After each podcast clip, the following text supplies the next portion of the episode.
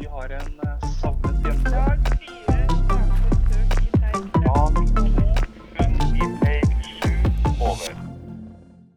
Hei og velkommen til Redningspodden, en podkast for mannskaper i Norsk eh, Folkehjelp.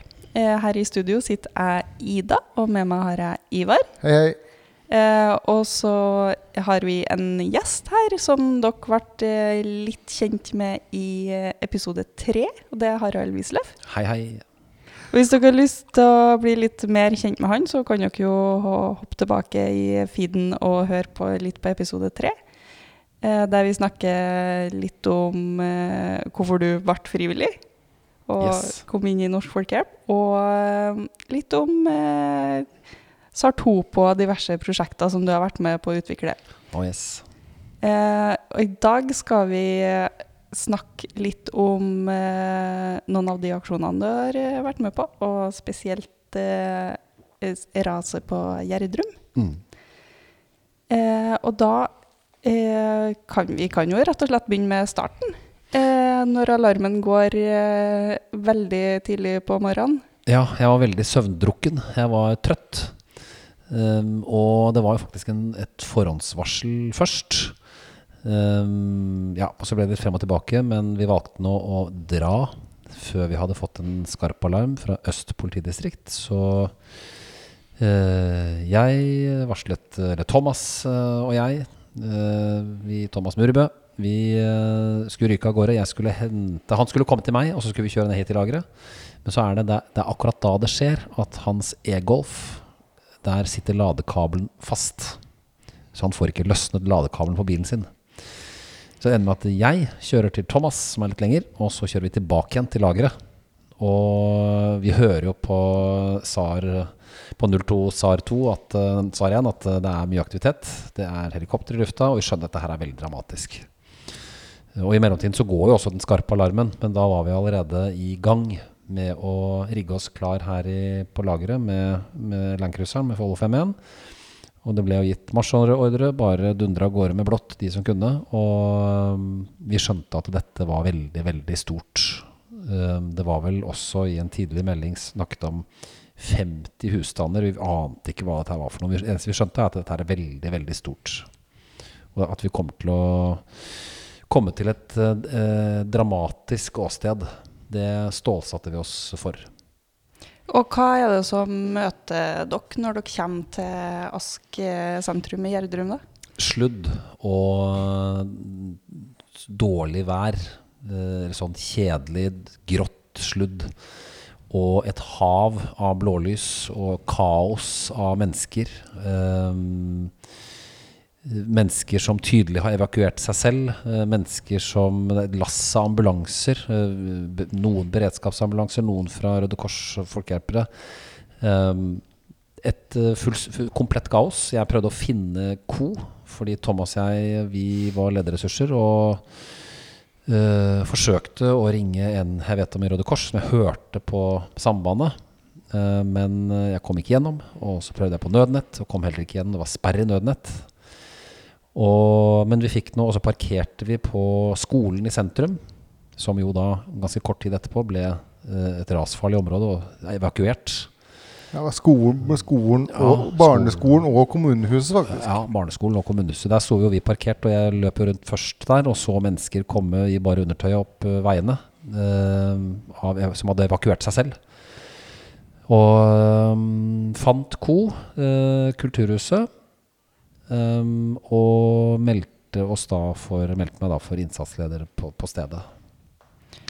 Og hva- slags på en måte Eller øh, dere har kanskje ikke oversikt i det hele tatt, men, men øh, vet dere hvor skredet? Vet dere, hva vet dere om situasjonen akkurat der og da? Vi vet i hvilken himmelretning skredet er.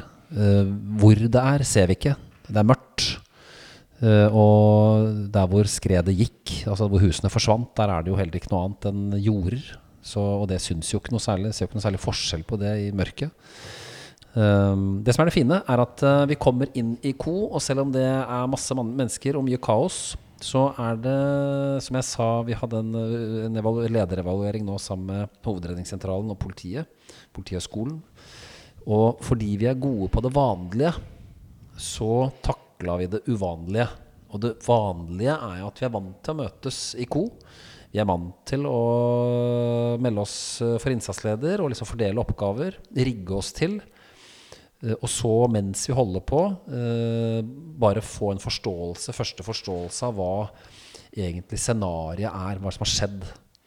Og det skjedde denne gangen også. Vi visste det var stort, men fordi vi er så flinke til både i Oslo og Øst politidistrikt til å samhandle da, og samvirke i co., så, og det profitterte vi veldig på nå, så, så kom vi i gang på et eller annet vis. Men jeg må jo si det at det første bildet vi ble presentert når vi kom inn i Co, over hvor raset var hen, så så det jo gigantisk ut. Uh, altså det var satt mange flere hus enn det som var uh, virkeligheten da, sett i senere tid. Og vi fikk jo ganske fort et bilde tilsendt der uh, som hadde gått uh, fra hovedredningssentralen ned til noen i Folkehjelpa som satt i noe der og tjoei. Så vi fikk tilsendt et bilde som plutselig vi satt på, som ei anna tegning enn eh, hva som eksisterte i Ko når vi kom dit, i hvert fall. Ja, det vi visste, var at det var kaotisk. Og det var ingen som hadde en eksakt eh, oversikt over hva som hadde skjedd, eller hvor rasgrensa var. Og da vi kom, så satt en eh, innsatsleder, nei, en eh, mannskap fra Delta, altså beredskapstroppen i Oslo, med en iPad koblet til eh, projektoren og det store lerretet i dette møterommet. da. Og eh, vi fant, og det med noen gule sider eller et eller annet sånt, noe kart. Og vi beslutta jo ganske fort at eh, her må det bedre utstyr til. Og vi sa at jeg foreslår at vi kobler av den iPaden og setter på et ordentlig kart. Og allerede da, etter veldig kort tid, så hadde vi Folkehjelpas Sartopo-system oppe og rigget til. Og slik ble det i Co. i neste, de neste seks døgnene. Det var vår løsning som ble brukt til alt. Og vi fikk tatt den i bruk veldig fort, for NVE kom inn. Eh, De hadde et anslag på hvor raset kunne ha gått, og vi begynte allerede da å tegne inn eh, det vi trodde var rasgrensen. Eh, NVE hadde også sine egne kart eh, på en nettløsning. Vi begynte å tegne evakueringssoner og faresoner.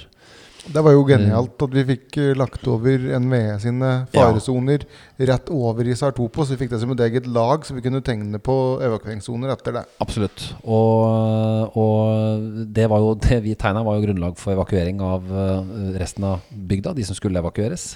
Ja, vi satt jo og lagde PDF-er for eh, kommune og politi, som de publiserte på sine sider for evakuering. Absolutt.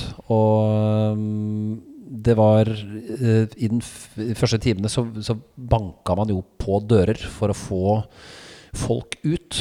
Uh, og da fant vi ut at i Sartopo så har vi husnummer fordi vi har topografisk norgeskart med veinavn og husnummer.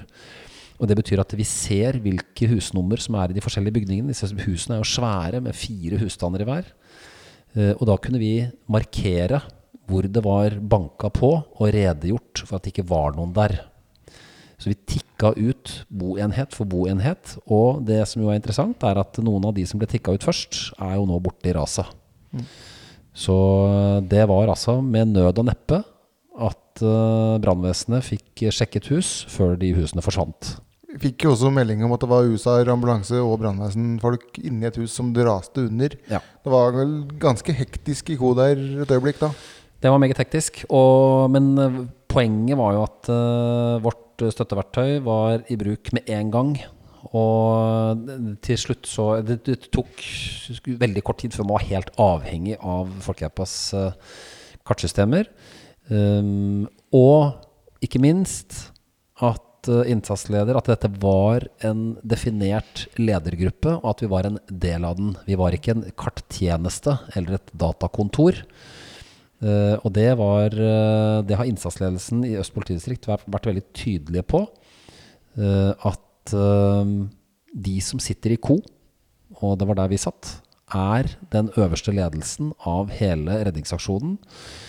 Og alle beslutninger tas av et lederforum, at vi er, går gjennom alle beslutningene før de fattes. Så der må jeg si at Øst politidistrikt de må få ros for det. De har vært veldig, veldig flinke til å la at, at dette, Til å søke støtte for beslutningene, rett og slett. Ja, og det er vel heller ikke helt sjølsagt at vi som frivillig organisasjon sitter i et innle- innsatsleders-ko i en sånn situasjon. Nei, det kan du si. Eh, Jeg tror nok at eh, dette er en hendelse så spesiell at eh, ingen ser for seg hvem som skulle sittet i et sånt ko. Det er ikke et ko man har designet normal på. Eh, man kan fra HRS eller politiet ha noen sånne ideer om hvordan man ville gjort det, og det er sikkert laget en masse sånne fullskalaøvelser med enormt enorm mengde antall skadde og sånne ting, men det blir Ingen av de som var der, hadde en eksakt plan for hvordan koet skulle se ut. Vi fant vår rolle eh, og tok ledelse selv. Og jeg vil si at det koet fungerte svært godt. Men vi hadde noen runder i løpet av eh, disse dagene hvor vi eh, fant ut hvem som ikke skulle være der. Rett og slett for å unngå at koet ble for stort, og at, man, eh, at det kunne bli ansvarspulverisering og, og rett og slett beslutningsvegring. Da. Ja, Og så var jo smittevern også et tema selvsagt, i dette koet her i disse covid-tider. Absolutt. Men vi, det, kanskje et eh, sånn litt vendepunkt midt på dagen eh, først dag én. Eh, Da det dukker opp en politimann med en speilreflekskamera ja, inne i ko. veldig morsomt. Fordi han, da hadde vi, i første tiden hadde vi ikke noen dronebilder. Det begynte å bli lyst. Vi kunne visuelt se raset. Og kunne få rapportert fra politipatruljer der ute eller brannvesen der ute hvordan det så ut. Og vi fikk tegnet for så vidt en etter hvert ganske god rasgrense. Men dronebilder hadde vi ikke. Um, og det kokte jo i ko, og en viss adgangsbegrensning var det. Men så ser jeg da en, en politimann som litt beskjedent står inntil, eh, inntil veggen eh, med et speilreflekskamera. Og så spør jeg har du tatt noen bilder. Og så sier han eh, ja, ja, jeg har tatt noen bilder fra helikopteret. Har du tatt bilder fra helikopteret? Ja, jeg har tatt bilder fra helikopteret. Ja, de, de må vi ha. Og jeg finner fram SD-kortleseren og får lastet de bildene over. Og det er jo faktisk de aller første bildene fra rasstedet. Og det er tatt med, det var derfor jeg spurte, for det er tatt med speilreflekskamera. Altså da er det jo høy kvalitet. Eh, og her kunne vi zoome veldig mye inn. Og dette her, de bildene fra den politimannen, jeg aner ikke hva han heter, han forsvant ut igjen. eh, de var den, det første verktøy, ordentlige verktøy vi hadde for å lage søksområdene til dag to, hvor man da skulle ut i, eh, i raset. Da satt vi hele natta med bildene fra denne politimannen. Eh, vi hadde Sartopo. Vi hadde masse etterretning. Eh, vi drev nærmest et slags improteater på gulvet der for å se hvordan en dame hadde forklart at hun så fire tujaer og hørte et annet menneske. Eh, sett, altså lest avhør. Og prøvde å danne oss et bilde av hvor kan det være aktuelt å finne mennesker. Eh, og så tegna vi da søksområder som uh, USAR-mannskapene da dagen etter kunne gå løs på. Og så var det helikopter nedi også med mannskap eh, punkt. Men det, er, det var et veldig farlig ras, og det var veldig bløtt. Ja, og alle de USA-folka var jo sikra med helikopter hele veien, og det var mye om og men der. Eh, det vi òg fikk ut av det i bilden, var jo at vi eh, Det var jo tatt bilde av den hele den øvre, øvre skredkanten. Eh, og det var vårt første sikre greie på hvilke hus er faktisk tatt. Rett og slett. Uh, og der fikk vi jo tegna ut ifra de bildene, som var en sånn møysommelig lang jobb. uh, hvor vi så veldig fordeler av å være flere i ko så fra oss som vi kunne samarbeide. Så én kunne gjøre de operative tinga, mens andre kunne konsentrere seg rett og slett om å sitte og, og tegne. Ja, vi hadde jo, for dere som ikke har lest så mye om det, så var vi, vi gjorde oss selv uunnværlige ganske fort. Eh, Så det gjorde at vi var til slutt fire operative ledere som rett og slett bare måtte gå i turnus for å kunne betjene KO, fordi det var ikke snakk om å ta ned Folkeheipas løsning. Den skulle være der. Det var den som var gjeldende for hele redningsaksjonen og var det sentrale kartverket eller planverket for hele aksjonen. Og dessuten så hadde vi, følte vi at vi hadde det å bidra, litt å bidra med med mm, planleggingen, altså taktiske.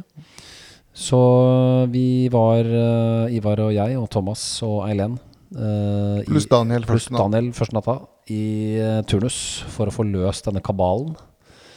Um, og med lange overlapp, uh, slik at vi sørget for at når jeg kom på og Ivar gikk av, så hadde vi en lang, kanskje flere timer lang overlapp. Ja, jeg tror vi Eh. tror nesten aldri jeg var med på en overlapp som under to timer. Eh, og likevel så var det da under et døgn til vi hadde vært der sist hele tida. Ja. Eh, og det var grunnen for vi var, jo- vi var flere som spurte om vi ikke ville ha avløsning. Eh, men vi så litt mørkt på å brife opp nye på den jobben. Eh, og hadde vi skulle fortsatt, så måtte vi ha gjort det. Men sånn det så ut da, så var det egentlig ikke noe tema. For det var så mye å ta inn over seg, og det var så mye brukernavn og så mye passord etter hvert osv. Det skal vi komme litt mer innad på etter hvert. Men vi, vi fikk veldig mye ting å ta høyde for etter hvert. da.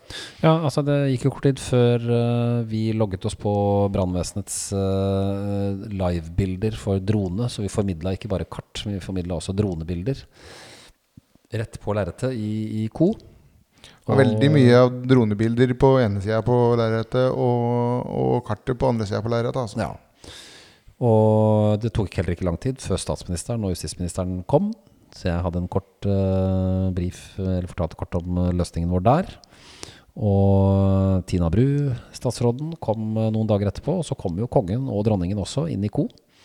Og fikk en orientering om, om redningsarbeidet der. Så mm, det var massiv oppmerksomhet.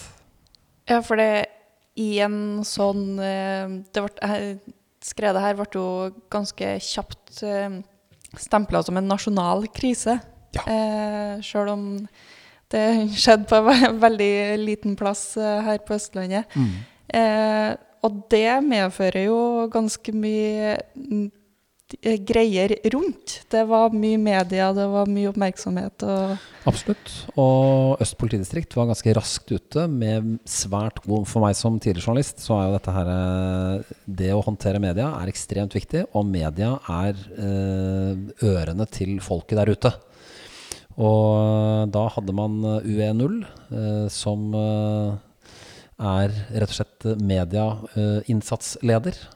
Og hadde jevnlige bulletenger med media. Her kom det jo ikke bare media fra Norge, men også media fra, fra Sverige. Um, og uh, de pressebrifingene var uh, veldig bra. Og da var det også en runde i ko med alle om det var noe spesielt å melde til neste brifing. Og vi var jo, Folkehjelpa var også med på en del av disse brifingene selv. Og vi ble også, var også med på én-til-én-intervjuer, da. Selvfølgelig, for media vil jo gjerne ha alt. Ehm, og det er jo ikke noe grunn til å ikke stille seg til disposisjon. En redningsaksjon er ikke noe hemmelig oppdrag. Og hvis folk kan stå der og fortelle noe fornuftig om hva, hva vår innsats er, uten å gå inn på det taktiske og polisiære, så skal vi selvfølgelig gjøre det. Og, og hva er det journalistene lurer på i en sånn eh? Journalistene lurer på alt, og journalistene vil gjerne ha en god historie, selvfølgelig, men de vil ha informasjon. De vet jo ikke det vi syns er helt åpenbart. Det vet jo ikke journalistene. Uh, hvor lenge, jeg ble jeg spurt, hvor lenge kan man overleve? Ikke sant? Eh, og det bora journalistene i flere ganger. Og er, jeg kan jo ikke si annet enn det ekspertene sa i Co. At man har en god del døgns sjanse for å overleve, gitt at man har en luftlomme og har tilgang på, på snø som vann, og ikke fryser for mye. Uh, og så er det jo Vår innsats ute var jo begrenset, i hvert fall i starten. Uh, men vi forteller jo at vi har tung innsats uh, på ledelsesnivå uh, i Co. Um, og selvfølgelig om uh, hva vi syntes mer sånn menneskelig om dette her, da, ikke sant. Og så hadde vi jo innsats uh, ute, bl.a. på Olavsgård, hvor vi tok vare på mennesker. Så Så hadde vi evakuering av det sykehjemmet, og det var jo en del første dag én. var det jo litt Og evakueringen av sykehjemmet var jo dramatisk, med hvor våre mannskaper forteller at det nærmest rista under beina på dem da de forsøkte å få beboerne ut. Alle ble evakuert. Men i ko så eh, Det er jo en kamp mot klokka her. Eh, hvis man skal prøve å finne overlevende eh, utover de som ble plukka opp av helikopter eh, tidlig på morgenen der. Eh, hvordan, jobber man for å finne savna i et sånt type enormt skred? Veldig uoversiktlig Ja, eh, den første fasen var jo Og så kan man si når var det en eh, eh, Det som var veldig fokus, var at dette er en redningsaksjon så lenge vi holder på. Selv døgn fire fortsatt en redningsaksjon. Og det var jo også veldig tydelig kommunisert i media. Dette er det vi skal lære på operativ lederkurs, det man skal ta til seg på de små og store aksjonene man er på. At sitter man i ko, så, man så da er man med på viktige lederbeslutninger. Og, er, og valutaen her, i denne businessen, er liv. Um, så dette er, dette er ledelse viktigere enn en ganske mye annet. Um, her er valutaen liv, og det gjelder å treffe rette beslutninger og gjøre så godt vi kan for å redde flest mulig liv. Og det var fokus i seks døgn, helt til politimesteren annonserte at nå er redningsaksjonen over, og man regner ikke lenger med at det er mulig å finne folk i live. Men vi holdt trøkket oppe hele veien. Um, og det er viktig når man sitter i et ko og skal ta slike beslutninger, at man har stamina og man har uh, troen på å ta beslutninger som gjør at man kan redde liv. Rett og slett. Vi fikk jo òg et annet hjelpemiddel som vi må så vidt innom, og det er jo eh, Det er vel levert av Andøya Space Center, hvem de var på oppdrag av osv. Det skal jeg ikke blande meg borti, men vi fikk noe tilgang til eh, såkalt eh, sammenklipte dronebilder. Eh, altså, jeg tror det var på det meste jeg så, så var det 3815 bilder som var stifta sammen, eller lignende. Som gir et veldig høyoppløselig bilde som vi kunne zoome ut og inn veldig mye i. Hvor vi kunne se på detaljer. Vi satt og fant igjen bygningsdeler. Eh, sånn at vi kunne eh, identifisere hus, eh, identifisere plasser det gikk an å overleve. Og vi satt og gjorde ganske mye i de bildene. Absolutt. Det var veldig viktige bilder. Og øh, det gjorde f.eks. at vi kunne øh, Vi fant noe som så ut som en sånn barnesklie, og noen noe lekeapparater. Um, og ved å gå inn på Google Street View, så fant vi jo igjen hvor dette hadde stått utenfor mellom husene. Jeg hadde fulgt med i raset. Det er sånne, masse sånne små detaljer. da. Og så er det i alt dette vellet av droner og verktøy og Space Center og alt mulig rart, så koker det ned til um, hvordan skal vi prioritere? Vi har masse ressurser. Ressurser sto det jo ikke på. Det var ressurser fra Sverige til og med. Det var ressurser overalt. Eh, og vi kunne eh, Forsvaret var der. Vi hadde luftkont lokal luftkontrollsystem. Eh, men allikevel så koker det ned til hva skal vi bruke av disse 1000 millionene ressursene vi har, for å tro at vi redder liv. Og hvordan ofrer vi ikke nye liv? For det var jo et veldig stort tema her. Absolutt. absolutt. Så fant vi jo ikke noen i live etter at alarmen gikk. De ble heist opp den første tiden. Um, og det var jo et fåtall skadde, det var, og det var ganske beskjedne skader. Så her var det temmelig binært. Man overlevde, eller man overlevde ikke. Så er det masse dramatisk bak disse historiene som vi ikke kan fortelle. Men uh, temmelig binært. Men likevel så er det viktig å holde dette som en dette, veldig viktig å holde fokus. Det er en redningsaksjon. Selv om vi, det er omkomne vi finner, så er det fortsatt en redningsaksjon. Men eh, hvordan er det da, når det her liksom går over så mange timer og flere dager, og greier man liksom å holde opp motivasjonen og trua på at man kan greie å redde noen flere? Det er jo det som er krevende, da. Og som eh, operativ leder så er det din jobb å holde den motivasjonen oppe hos mannskapene.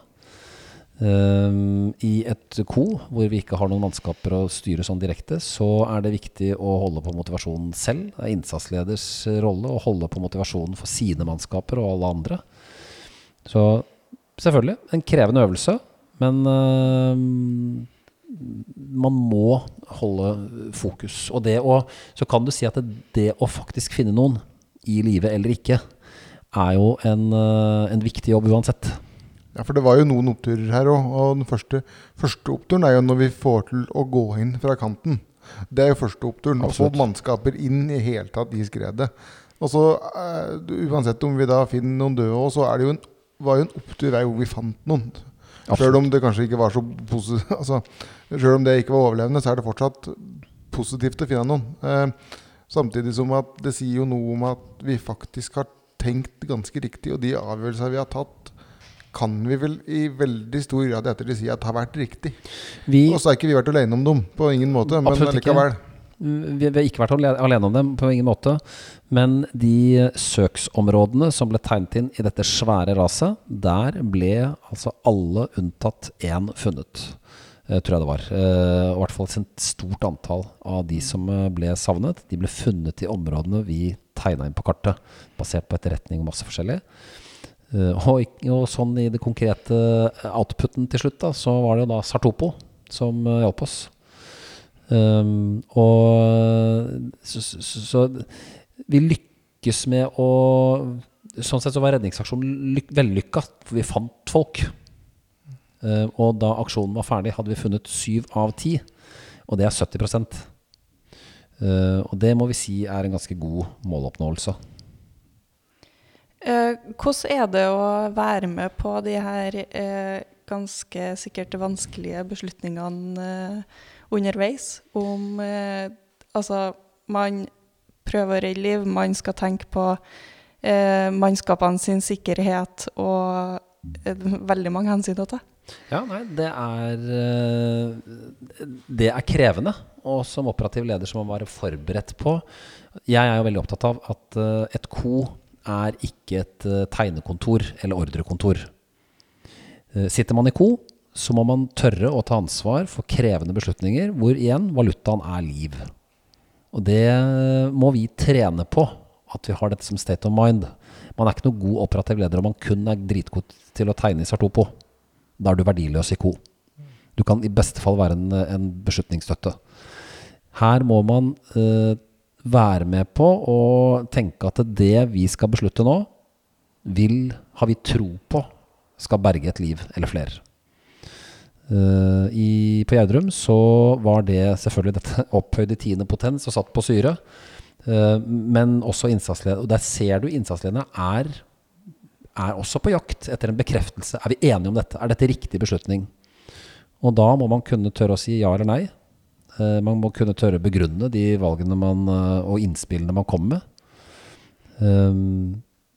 Fordi uten en felles beslutning, da, så får vi liksom ikke gjort den jobben vi skal gjøre med oppdraget. Vi må kunne bestemme at dette er vi enige om. Da gjør vi det sånn. Og det gikk noen kuler varmt, altså.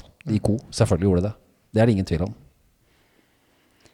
Det er vel sånn det er når man er under eh, stort press og det er tøffe Og de største diskusjonene vi hadde, var på skal vi gå inn eller ikke. Og der var det Vi hadde på en måte øh, ingen faglig tyngde til å si så mye om det.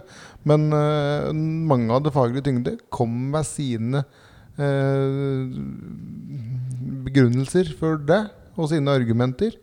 Og så måtte vi på en måte nesten ta et standpunkt ut ifra hva de begrunna med, og hva vi tenkte var best. Ja, og så er det det fine at vi som, den som da ikke er fagmenneske på akkurat det som sies akkurat da, har muligheten til å stille de dumme spørsmålene.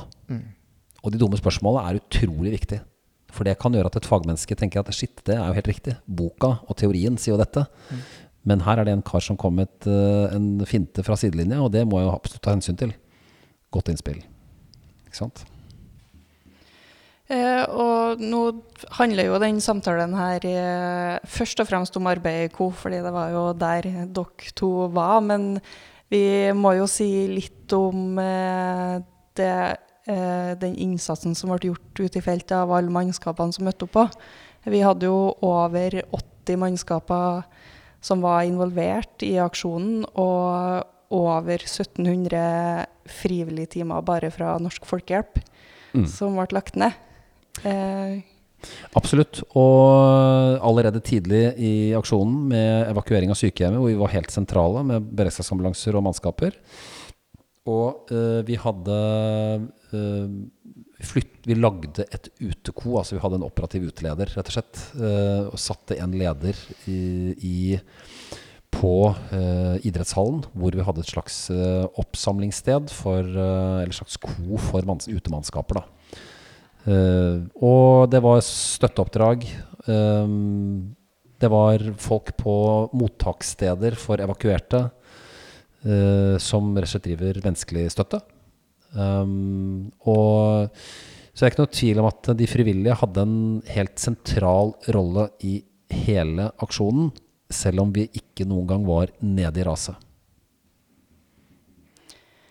og det er jo kanskje det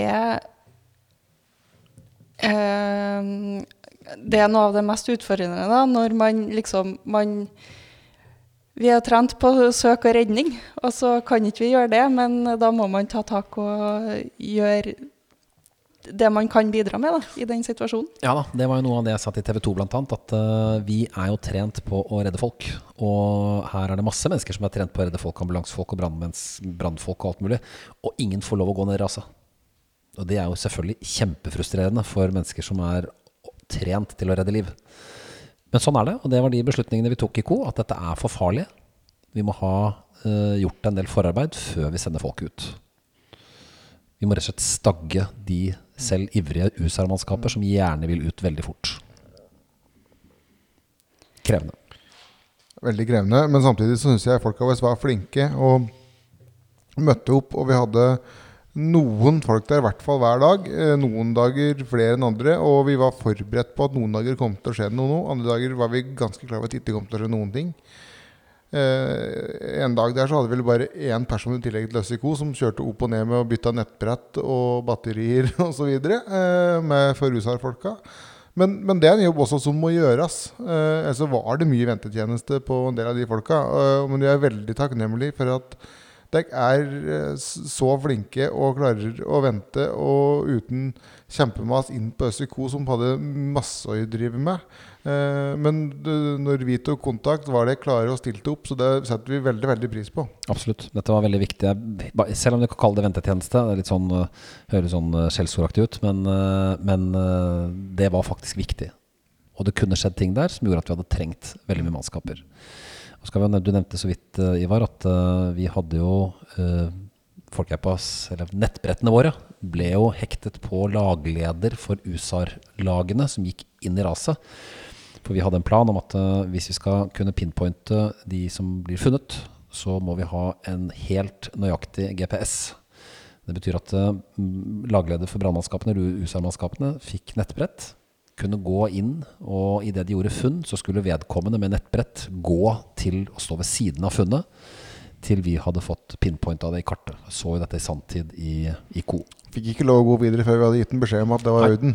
Det var ikke før de hadde fått beskjed av Folkehjelpa at nå kunne de gå videre.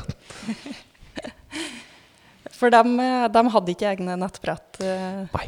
Uh, Brannvesenet har ikke det. Uh, vi, hadde, vi hadde trackere fra Norsk Radio Relé-liga, og de er veldig gode, de, til, uh, til å trekke mannskaper. Men her krevde vi en enda bedre nøyaktighet.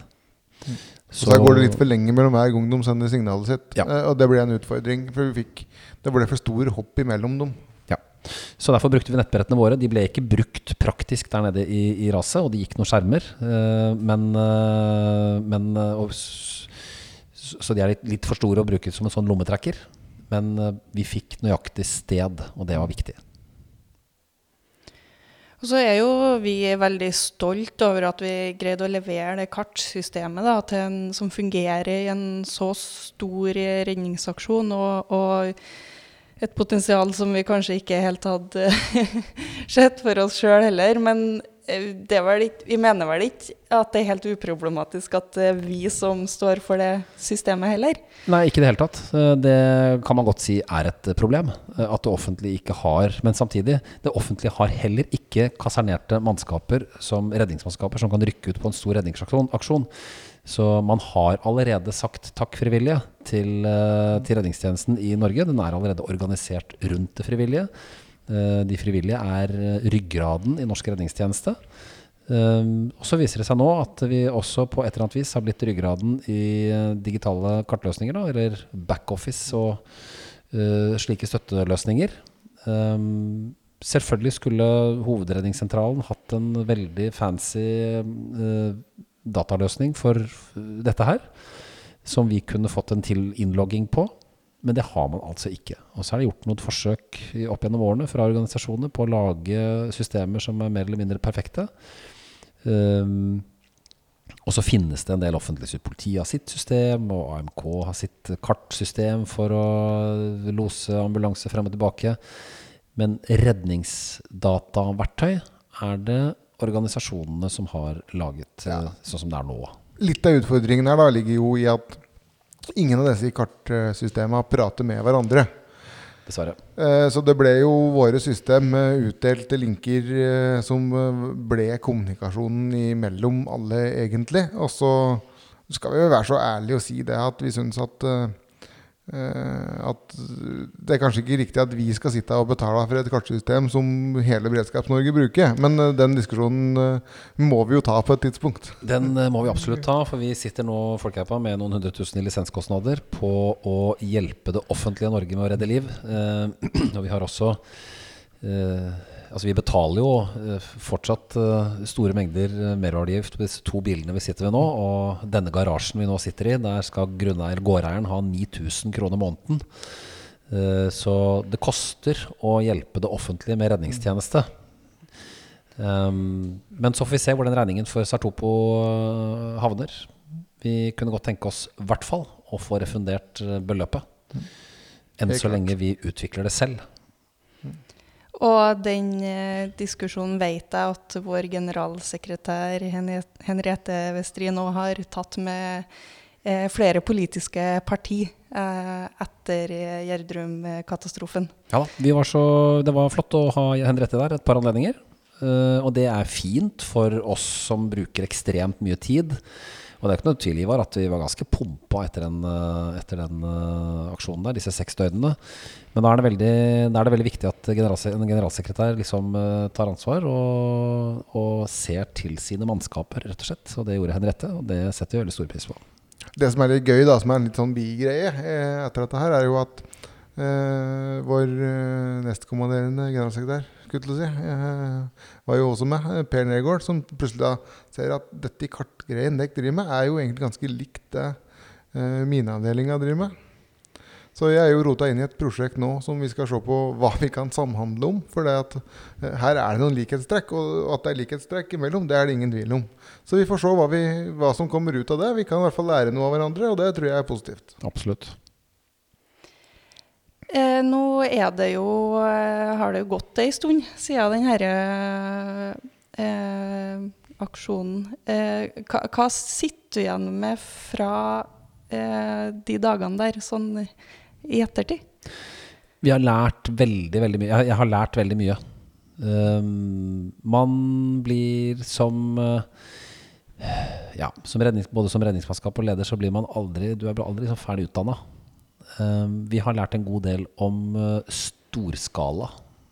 Å kunne klare å holde roen og klare å fatte beslutninger selv når det er et enormt jordskred og masse, masse mennesker som er uh, uh, påvirket av dette på et i større eller mindre grad.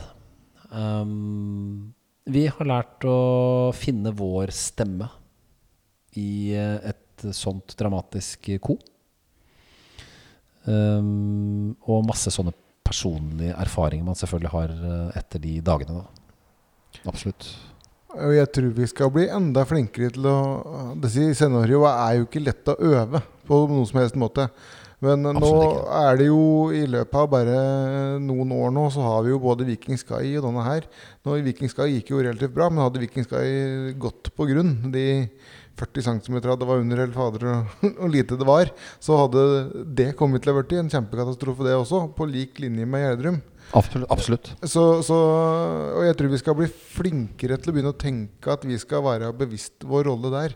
I hvert fall operativ lederkurs øh, og kanskje noe beredskapsplanmessig. At vi må, vi må begynne å tenke den tanken og prøve å tørre å tenke tanken i fellesskap, tror jeg. Igjen, jeg eh, er av den oppfatning av at eh, det å være operativ leder i Folkehjelpa, det er ikke å være et kontorstøtteapparat og et ordrekontor og tegnekontor. Eh, her skal man rett og slett kunne ta vanskelige beslutninger hvor valutaen er liv. Og det skal vi bli gode på i Folkehjelpa.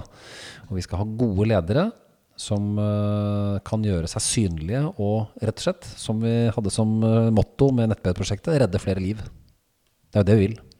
Helt klart.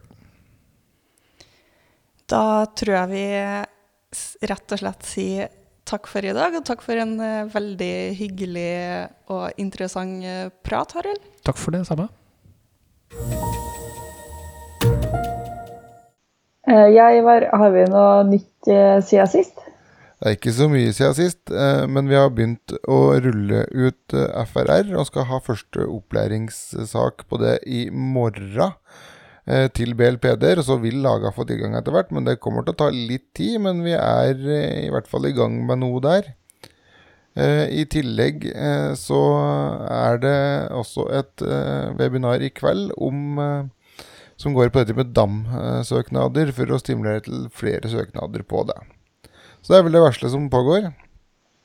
Ja, og for de som ikke vet hva FRR er, så kan du kanskje kort forklare det? Ja, det er felles, felles ressursregister, eh, og der er vi Vi skal inn der, og det blir alarmsystem, eh, men folk må ha litt tålmodighet enda. Altså, vi er ikke i mål enda, men vi begynner så smått, eh, og vi nærmer oss. Så kan vi nok komme tilbake til kanskje en egen episode om det på et tidspunkt. Det kan vi helt sikkert. Har du vært på noe aksjon siden sist, da? Nei, nå har det vært eh, helt, helt stille her på Østlandet i hvert fall. Jeg har sett det foregå litt i Trøndelag og sånn, men det er jammen det eneste òg. Så det er i hvert fall det som skjer. Men da avslutter vi for i dag. Eh, vi vil fortsatt gjerne høre fra dere, ha forslag til hva vi kan snakke om. Spørsmål som dere ønsker svar, og tips til gjester. Det er bare å sende inn. Send oss da gjerne en melding på Facebook eller en mail til podkast at folkehjelp.no. Vi høres. Thank you.